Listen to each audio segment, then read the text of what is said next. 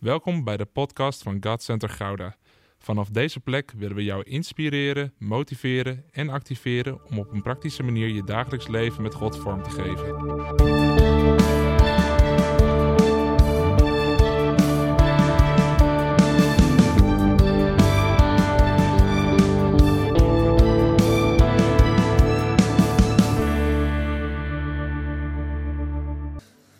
Vandaag is wel echt een heel speciaal moment hoor. Dat we eindelijk de eerste echte familiedienst op zondag kunnen doen.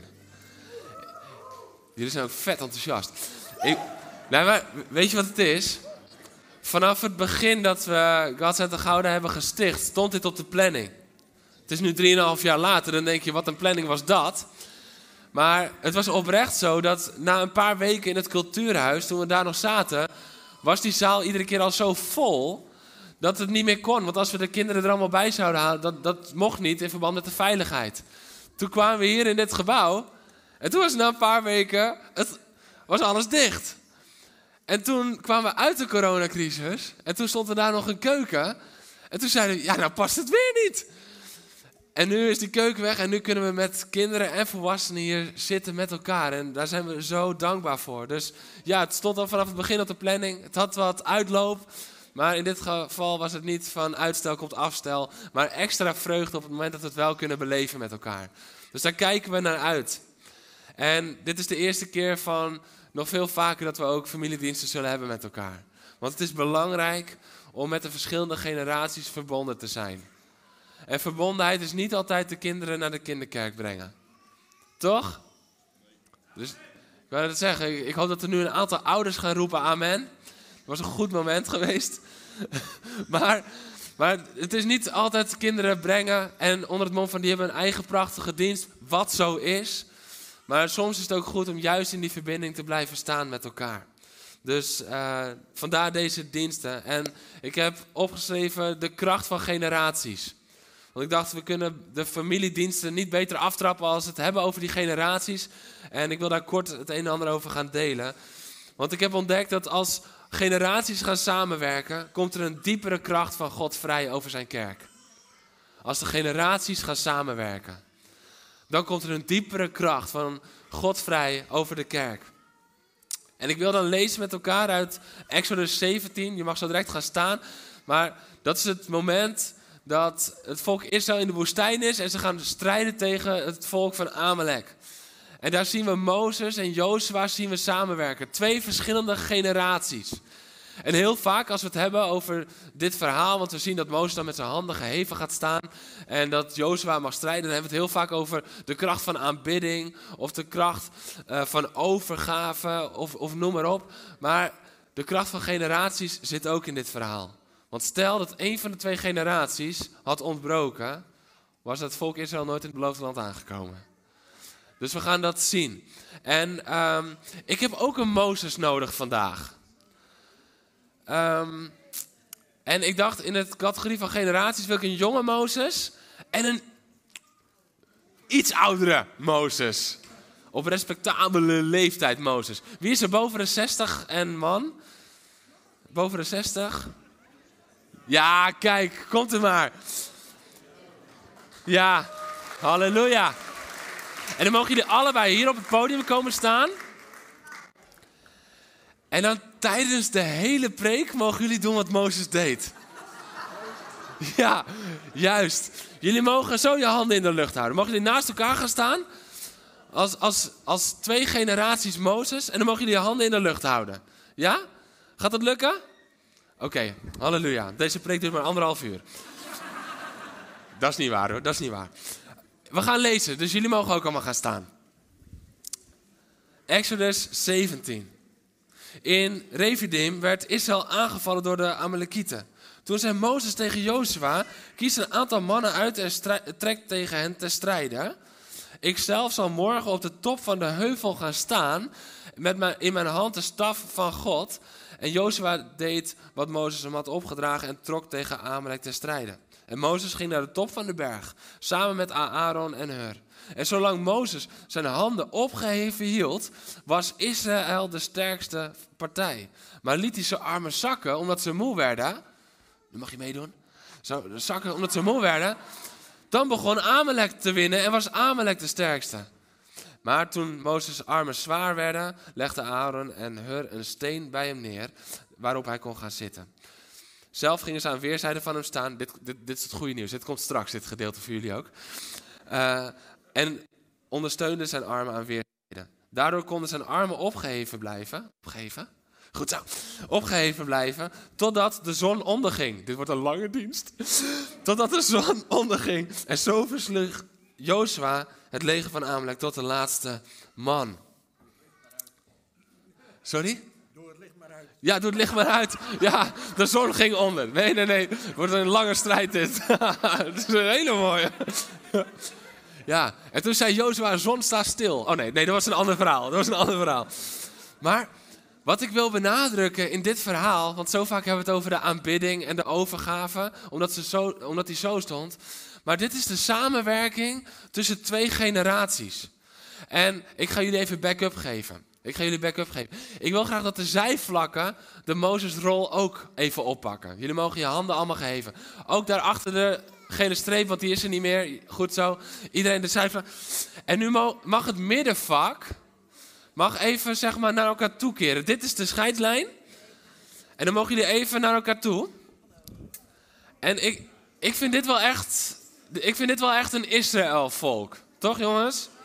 Ja, jullie zijn echt Israël, hè? En no fans, maar jullie zijn vandaag Amalek. Ja? Hey, hey. Ja.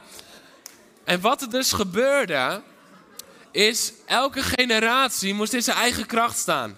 Want stel je voor dat Jozua had gezegd, weet je wat, ik ga wel op die berg staan en we sturen meer dan 80 jaar oude Mozes, die sturen we wel het, het, het dal in om te gaan vechten. Is niet zo handig. Nee, Mozes moest op de positie van autoriteit staan met de staf in zijn hand. En Jozua moest in zijn kracht staan als jonge leider in de kracht van zijn leven om te vechten. Maar wat zagen we? Zolang Mozes zo stond, dan begon Israël terrein te winnen. Dit is het moment dat jullie meedoen. Terrein te winnen. Ja. En de Amalekieten gingen terug en terug. Maar oh, wat werden die armen moe. Dus die armen gingen wat naar beneden. En Amalek kwam terug in de strijd. Amalek kwam terug in de strijd.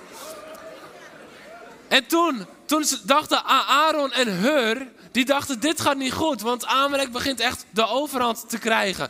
En toen waren er, jullie, jullie konden hem niet meer omhoog houden. Toen waren er dus twee, aan, zijn, aan weerszijden, twee mannen die Mozes neerzetten op een steen. En nu hoop ik dat er twee mannen automatisch gaan komen. Die, die hem op een steen neerzetten. U mag gaan zitten. En, en we hebben ook nog Hur nodig, dit is Aaron. En, en die zijn armen omhoog gingen houden. En dan wil ik ook graag twee kinderen die het ook natuurlijk even hier nog doen. Want we hebben hier ook nog. Dit is mijn meest hysterische preek uit mijn leven. Halleluja. Ja, en hou die armen omhoog. Kijk. Hey, en nu is het niet erg hè, dat het nog anderhalf uur duurt. Toch? Voor hun wel, ja. maar, maar de armen gingen weer omhoog. En wat begon Israël weer te doen? Ja! Halleluja! Halleluja! Oké, oké. Jullie mogen weer lekker gaan zitten. Jullie mogen weer lekker gaan zitten. Jullie mogen nog even blijven staan.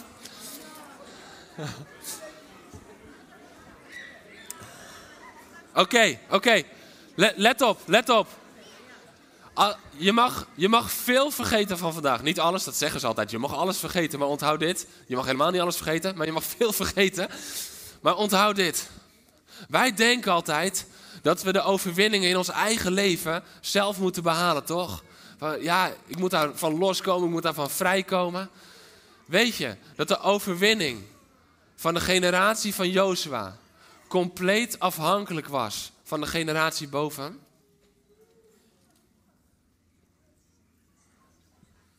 De overwinning van jouw kinderen ligt al in jouw eigen generatie. Wij kunnen de weg voor ze plaveien. Is dat dan een vrijbrief dat ze nooit iets zal overkomen of dat er nooit strijd zal zijn? Nee, want Jozua moest wel de strijd in. Maar de overwinning werd behaald op de aanbidding, op het gebed, op de trouw van Mozes.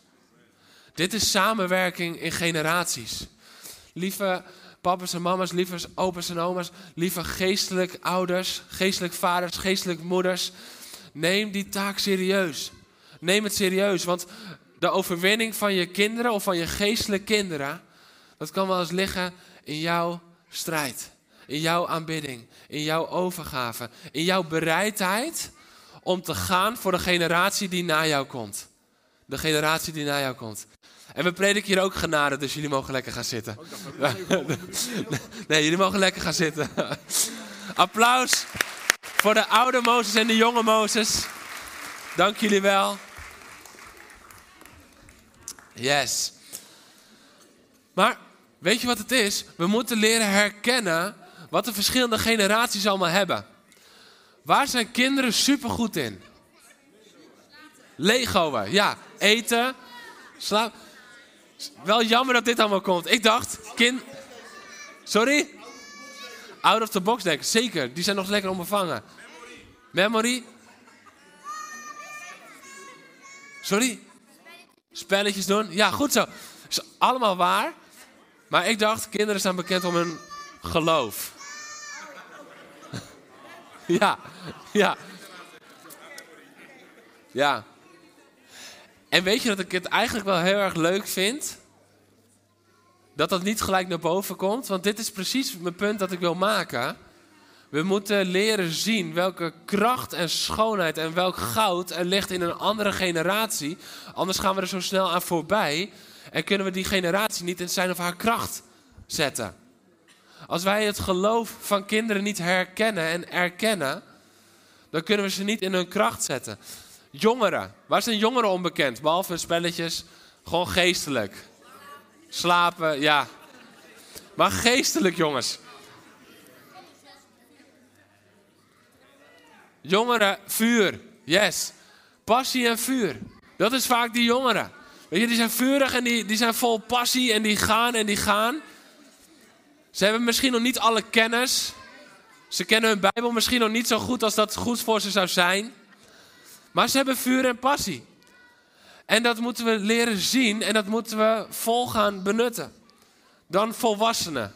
Wat hebben volwassenen? Oh ja, de volwassenen gaan roepen over volwassenen dat ze wijsheid hebben. en dan gaan ze ook nog elkaar beantwoorden met amen. Nee.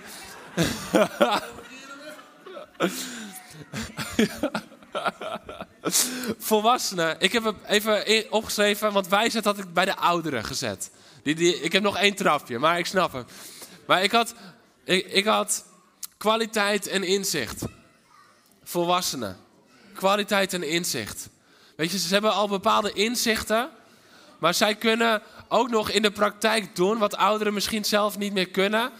En daarom hebben ouderen wijsheid en autoriteit omdat ze dingen gaan overdragen als het goed is. Ze investeren in de generaties onder hen. En als dat samenkomt, dan zien we gebeuren wat er bij Mozes en Jozua ook samenkwam. Dat Mozes wist, ik moet niet met een strijder trekken. Nee, ik moet de geestelijke autoriteit pakken en strijd doen, zodat Jozua de strijd daar in het dal kan voeren. En Jozua, die, die was compleet afhankelijk van Mozes. En dat is geen zwaktebod, maar het is gewoon hartstikke oké. Stel je voor dat Mozes daar niet stond met geheven handen. Of dat Mozes op het gegeven moment dacht van nou, weet je wat? Het is tijd dat de volgende generatie het zelf doet. Stel je voor dat hij dat dacht. Dan was Israël afgeslacht. Dat was de realiteit geweest. Stel je voor dat Jozua niet ging vechten en Mozes daar in zijn eentje op de berg stond. Dat die Amalekieten, die dachten van, hé, hey, hij zwaait naar ons. wat, wat is hier aan de hand? We pakken hem. Stel je voor dat generaties niet hadden samengewerkt. Stel je voor. Wat destructief dat zou zijn. Stel je voor hoeveel er mis zou gaan als generaties niet goed samenwerken. Stel je voor. Toen ik bezig was hiermee, toen dacht ik opeens: stel je voor dat wij dat wel zouden gaan doen. Want zo vaak werken generaties nog helemaal niet samen. En we zien de destructieve werking daarvan vaak niet, Omdat het al gewoonte is geworden. Maar het is tijd dat we het geloof van kinderen gaan erkennen en gaan zien. Dat als onze kinderen iets onmogelijks zeggen, dat we niet denken: oh ja, wat leuk, dat is fantasie. Nee, ze hebben geloof. Mijn kinderen leren mij zo vaak wat geloof is. Ik weet nog een keertje dat we hadden voor, uh, voor, ik weet, voor Boas gebeden. Hij had ergens pijn. En toen vroeg ik, waar is de pijn? Dat al een paar jaar geleden, schatje. Maar toen zei hij het al. Uh, toen vroeg ik, waar is de pijn? Dat check ik altijd. Hij zei, ja, het is er nog. Ik zeg, nou, dan gaan we nog een keer bidden. Toen keek hij me aan. Zei hij, papa, als we bidden tot de Heer Jezus, dan doet hij toch gewoon. Waar, waarom moeten we dan nog een keer bidden? Toen dacht ik, ja, je hebt geloof, jongen. Hebt geloof. Ik moet daarvan leren. Maar, maar zien we wat de generatie onder of boven ons heeft? Zien we het? Investeren we erin? Erkennen we het? En gaan we ervan genieten? En gaan we daarin samen optrekken? Dat is de vraag. Want geen enkele generatie kan volledig functioneren zonder de generaties om zich heen. Als je nu volwassen bent en je denkt, ja, ik moet er vooral zijn voor de jongere generatie en ik moet misschien de oudere generatie wel een beetje verzorgen. Dan kan je bijna jezelf gaan verheffen van, want dit is wel een beetje de ultieme generatie. Maar geen enkele generatie kan volledig functioneren zonder de generaties om zich heen. Kinderen kunnen niet functioneren zonder ouders. Maar volwassenen kunnen ook niet functioneren zonder de wijsheid van de ouderen. Maar ook niet zonder het vuur van de jongeren. Als jij je irriteert aan het vuur van jongeren, dan geloof ik dat God vandaag tegen je zegt: Ik wil jou net zo in de fik steken. Ja, voor Jezus. Want als jij je irriteert aan het vuur van de jongeren, dan ben je de connectie met de jongeren ben je kwijtgeraakt. En dan is er een stukje vuur in jezelf gedoofd. Want vuur irriteert zich niet aan vuur. We moeten niet alleen willen investeren in de ander, maar we moeten ook erkennen dat we de ander nodig hebben voor onszelf. Want dat is vaak wat we denken en doen. Investeren in de ander, investeren in de ander, investeren in de generatie onder ons. Nee, maar we moeten ook willen leren van de generatie onder ons. Ik heb een paar statements die ik nog wil maken. Ik wil vragen of de muziek alvast weer naar voren komt. Ik voel dit om tegen een aantal generaties te zeggen. Tegen de oudere generatie. Met alle respect, oudere generatie. Jouw invloed, uw invloed is nog niet gestopt. Mozes was echt al in onze ogen stok oud toen hij daar zo stond. Maar zijn invloed was zo duidelijk. Zijn invloed was nog niet gestopt. Dus het is zo belangrijk om te beseffen, jouw invloed is nog niet gestopt. En als je op het gegeven moment al je hebt teruggetrokken van geef de anderen nou maar de ruimte, doe een stapje terug. Niet om de ruimte van een ander in te nemen, maar om je invloed weer uit te gaan oefenen. Want jouw invloed is onmisbaar. Uw invloed is onmisbaar. Alsjeblieft. En dat, en dat, ik, ik voel dat ik het bijna smeek, maar dat doe ik oprecht. Omdat ik erken dat geen generatie kan zonder de generaties om zich heen. Wij hebben als volwassenen, als jongeren, als kinderen, hebben we de oudere generatie nodig om volledig te kunnen functioneren. Voor alle jongeren en zeker alle kinderen. Kinderen, zijn we er nog? Goed zo, goed zo. Jouw invloed is al begonnen. Weet je, de Bijbel zegt tegen kinderen en tegen jongeren dat we moeten zorgen dat mensen niet kijken zo van, oh, dat is nog maar een kind. Laat die maar even. Nee, jouw invloed is al begonnen. Dus leer papa en mama maar soms wat. Leer papa en mama maar wat, wat vertrouwen is. Ik denk dat de meeste ouders wel herkennen dat je kind gewoon boven aan de trap kan staan en denken: Oké, dan gaan we. ja, toch? En jullie vertrouwen er dan volop dat papa of mama je opvangt. Ja. Daar kunnen wij van leren. Ouders, ga nou niet zo staan boven aan de trap. Dat bedoel ik geestelijk. Een andere is, je kan niet zonder de ander. We hebben elkaar keihard nodig. Generaties staan centraal door het hele woord. Door het hele woord staat het centraal. Weet je, er is een kinderliedje, volgens mij is het van Make Some Noise. Samen kunnen we de wereld aan. Samen kunnen we de wereld aan. Maar dan ook echt alleen samen. Soms kunnen we denken van wij kunnen met onze generatie Deze generatie, er wordt ook heel vaak over. Dit is de generatie die God wil. Weet je, ik kwam erachter in mijn voorbereiding. Heel vaak is dat uitgebeden over, over jongeren. Dat gebeurt altijd op jongerendiensten. Dit is een generatie die God wil opwekken. God wil niet alleen de jongere generatie opwekken. God wil zijn kerk opwekken.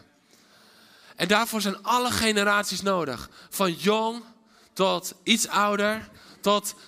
subtiel hè? Tot nog iets ouder. En alles ertussenin. Gods oog is niet op één generatie. Gods oog is op zijn kerk in alle generaties. Samen kunnen we de wereld aan. Want als de generaties de handen ineen gaan slaan, dan worden de volgende generaties daardoor gezegend.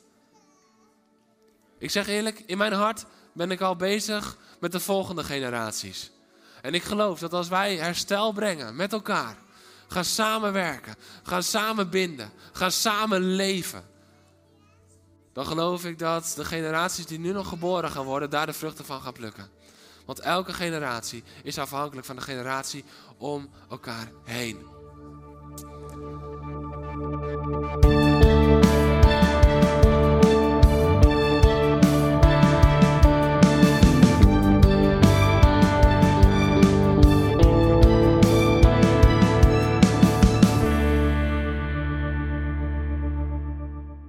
Bedankt voor het luisteren naar deze podcast. Volg ons op onze kanalen om verbonden te blijven. Heeft deze aflevering jou geraakt? Deel dan op je socials en tag ons, zodat we samen meer mensen kunnen bereiken.